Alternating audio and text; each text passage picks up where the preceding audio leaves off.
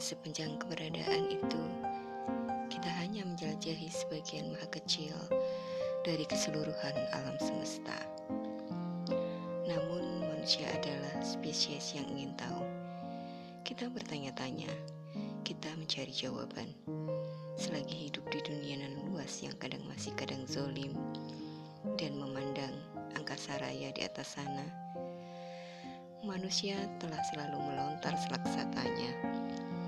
Bagaimana kita bisa memahami dunia tempat kita mendapati diri kita ada? Bagaimana tingkah laku alam semesta? Apa hakikat kenyataan? Dari mana segalanya berasal? Apakah alam semesta memerlukan pencipta? Kebanyakan kita tak menghabiskan sepanjang waktu merenungkan segala pertanyaan itu. Namun, nyaris semua di antara kita pernah merenungkannya sekali-kali.